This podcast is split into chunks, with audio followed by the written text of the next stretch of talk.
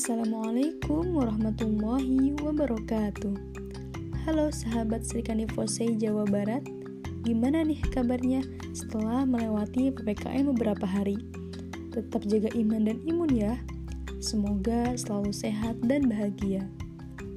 Oh iya, perkenalkan Namaku Nisbia Asyabani dari Kasai Skemix UPI Pada kesempatan ini, aku akan sharing terkait dengan urgensi menghiasi diri dengan akhlak terpuji. Tentunya khusus muslimah sejati. Memiliki akhlak terpuji merupakan kepribadian seorang muslim.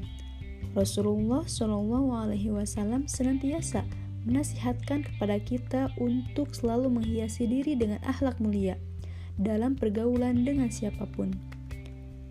Buku Jiwa Dalam Bimbingan Rasulullah karya Sa'ad Riyad menyebutkan bahwa Rasulullah Shallallahu Alaihi Wasallam bersabda, Allah menyayangi orang yang bersikap lapang dada, baik ketika menjual, membeli, atau ketika menagih sesuatu kepada orang lain. Hadis riwayat Bukhari. Anas Malik pun berkata, Rasulullah Shallallahu Alaihi Wasallam merupakan manusia yang paling baik akhlaknya dan Rasulullah pun menyatakan bahwa bertakwa kepada Allah di mana pun kamu berada. Susulah kejahatan dengan kebaikan, niscaya kebaikan itu akan menghapusnya. Serta bergaulah dengan orang lain yang memiliki akhlak yang baik. Hadis riwayat Tirmidzi. Nah, di sini Rasulullah SAW menegaskan bahwa sebaik-baiknya dalam hal keislaman adalah mereka yang paling baik akhlaknya, dengan syarat mereka juga memiliki pemahaman yang baik tentang ajaran Islam. Lalu, siapa sih role model yang patut kita jadikan contoh? Apakah orang terkaya di dunia? Ilmuwan penemu banyak teknologi? Atau bahkan Bapak, Presi Bapak Presiden atau Bapak Menteri? Ha, tentunya ini mungkin, tapi hanya sekian persennya saja. Orang yang paten dan patut kita jadikan contoh dalam kehidupan kita, patut kita jadikan idola dalam kehidupan kita, tidak lain dan tidak bukan adalah orang yang paling sempurna, utusan Allah Azza wa Jalla, penerima wahyu, yakni baginda Nabi besar Muhammad Sallallahu Alaihi Wasallam.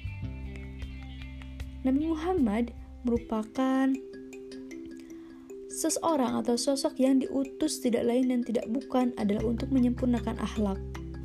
Sebagaimana sabdanya, innama bu'ithtu liutamima maka rima akhlak.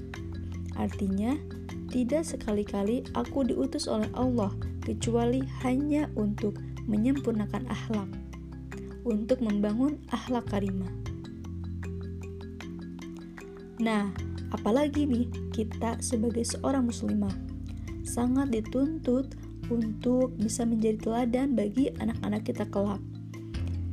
Sebagai madrasatul ula, tentunya bukan hal mudah mendidik anak tanpa kesulihan, tanpa kesiapan, dan tanpa keteladanan. Ngerinya sekarang, kalau perempuan sudah krisis moral. Sedangkan di sisi lain, perempuan memiliki banyak keistimewaan. Perempuan sebagai perhiasan dunia yang mana sebaik-baiknya perhiasan dunia adalah wanita solihah. Dalam hal ini, tentu wanita yang memiliki akhlak yang mulia. Bahkan dikatakan bahwa tonggak sebuah peradaban adalah perempuan. Nah, jika perempuannya baik, maka baiklah negara tersebut. Tapi mengapa sih bisa demikian? Jawabannya adalah karena generasi yang akan datang merupakan hasil didikan para perempuan. Anak-anak yang kita kelak nanti suatu saat akan menjadi penerus bangsa ini, akan menjadi generasi uh, yang mencerminkan sebuah negara, sebuah bangsa yang kita uh, diami saat ini. Nah, tentunya dari pemaparan tersebut sudah jelas bukan? Bahwasanya kita tidak butuh perempuan yang pintar dan tidak bermoral.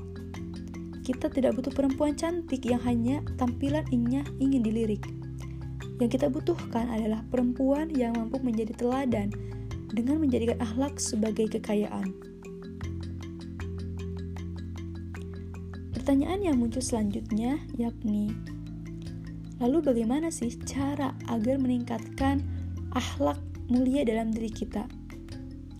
Nah, di sini aku akan memaparkan beberapa poin tips-tips bagaimana cara meningkatkan meningkatkan akhlak yang mulia. Pertama, hal yang harus kita miliki adalah jiwa berbaik sangka. Berbaik sangka bisa dilakukan pada diri sendiri serta orang lain. Bahkan umumnya, mereka yang sedang memiliki rasa pesimistis, cenderung memiliki rasa berburuk sangka yang tinggi pada Sang Pencipta. Nah, tentunya hal ini merupakan tindakan yang harus kita hindari, karena apa pun yang telah Allah gariskan, kita harus yakin bahwa itu merupakan skenario terbaik Allah untuk kehidupan kita. Jangan sampai kita menuhankan ikhtiar yang kita lakukan dengan hasil yang tidak uh, sesuai dengan ekspektasi kita lalu kita menyalahkan Allah. Jangan sampai seperti itu. Tugas kita hanyalah bersabar dan berusaha untuk menjadi lebih baik. Biarlah hasil atau target atau tujuan yang uh, Allah tetapkan itu menjadi uh, penerimaan kita terhadap takdir Allah. Lalu yang kedua yaitu dengan cara bertaubat. Tentunya setiap manusia pasti memiliki kesalahan Baik mereka yang dicap sebagai orang alim sekalipun, tidak luput dari yang namanya dosa. Nah, dosa yang berlarut-larut dan terus-menerus dilakukan merupakan hal yang buruk dan harus dijauhi. Dalam hal ini, segera bertobat merupakan langkah baik bagi kita untuk memperbaiki kesalahan yang telah kita lakukan. Arti taubat menurut para ulama, ia men mengakui bahwa ia pernah berbuat salah dan dia berjanji untuk tidak mengulanginya lagi. Artinya, dia berjanji untuk memiliki akhlak yang lebih baik lagi ke depannya. Nah, dengan sifat kelakuan yang baik melalui jalan taubat, maka akhlak kita pun akan semakin baik. Nah, Allah berfirman dalam Quran surah Ali Imran ayat 135 bahwasanya dan juga orang-orang yang apabila mengerjakan perbuatan keji atau menganiaya diri sendiri, mereka ingat akan Allah, lalu memohon ampun terhadap dosa-dosa mereka, dan siapa lagi yang dapat mengampuni dosa selain Allah, dan mereka tidak mengharuskan perbuatan kejinya itu, sedang mereka mengetahui. Kemudian, poin ketiga yakni kita harus mencoba untuk taati semua syariat agama. Menaati syariat agama merupakan salah satu cara agar kita dapat meningkatkan kualitas pribadi diri kita menuju arah yang arah yang lebih baik tentunya. Menaati syariat dapat dilakukan dengan cara membiasakan diri melakukan hal yang bermanfaat setiap harinya, melakukan progres yang sangat masif. Atau bahkan walaupun belum masif, setidaknya ada perubahan dalam diri kita dari hari ke harinya kita bisa lebih bermanfaat bagi orang di sekitar kita. Dan cobalah untuk jauhi hal-hal yang dapat membuat kita terprosok ke dalam kefuturan. Kemudian, nah, apa sih dampak dari kita taat terhadap aturan agama ini? Nah, hasil dari mengikuti syariat ini akan menghasilkan akhlak yang terpuji, jadi kehidupan menjadi lebih tenang, terbentuknya sikap dan perilaku yang positif serta bebas dari yang namanya permusuhan. Poin keempat yakni berlaku baik sesama manusia. Nah, hal yang harus kita perhatikan selain hubungan kita dengan Allah atau hablum minallah juga hablum minannas merupakan hal yang tidak kalah penting. Bagaimana sih kita berperilaku uh, terhadap sesama. Karena kita merupakan makhluk sosial, maka tentulah hal ini menjadi uh, sangat urgent dalam kehidupan kita.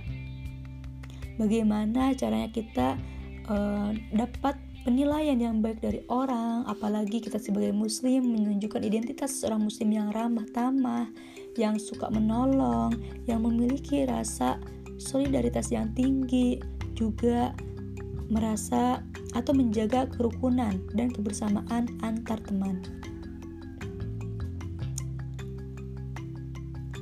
Nah, poin selanjutnya yaitu bersikap adil. Bersikap adil di sini yakni uh, sikap yang tidak memihak atau sama rata. Dalam hal ini, seseorang tidak boleh memihak salah satu pihak saja dan membiarkan pihak lainnya dan tidak mengurangi atau menambah bagi yang lain dan tidak boleh saling pilih memilih. Oke. Selanjutnya yaitu poin ketujuh yakni ingat bahwa sejarah Rasulullah Shallallahu alaihi wasallam apa yang telah dicontohkan oleh beliau menjadi role model bagi kehidupan kita karena Rasulullah sebagai manusia yang sempurna, maka tidak ada lagi panutan atau idola yang patut kita bangga-banggakan dibanding atau melebihi diri beliau.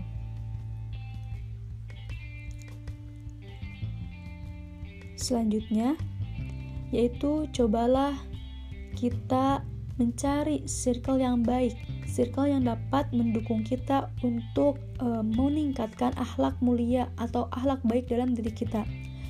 Nah, lingkungan merupakan salah satu poin penting juga dalam membentuk kebiasaan atau habit yang baik.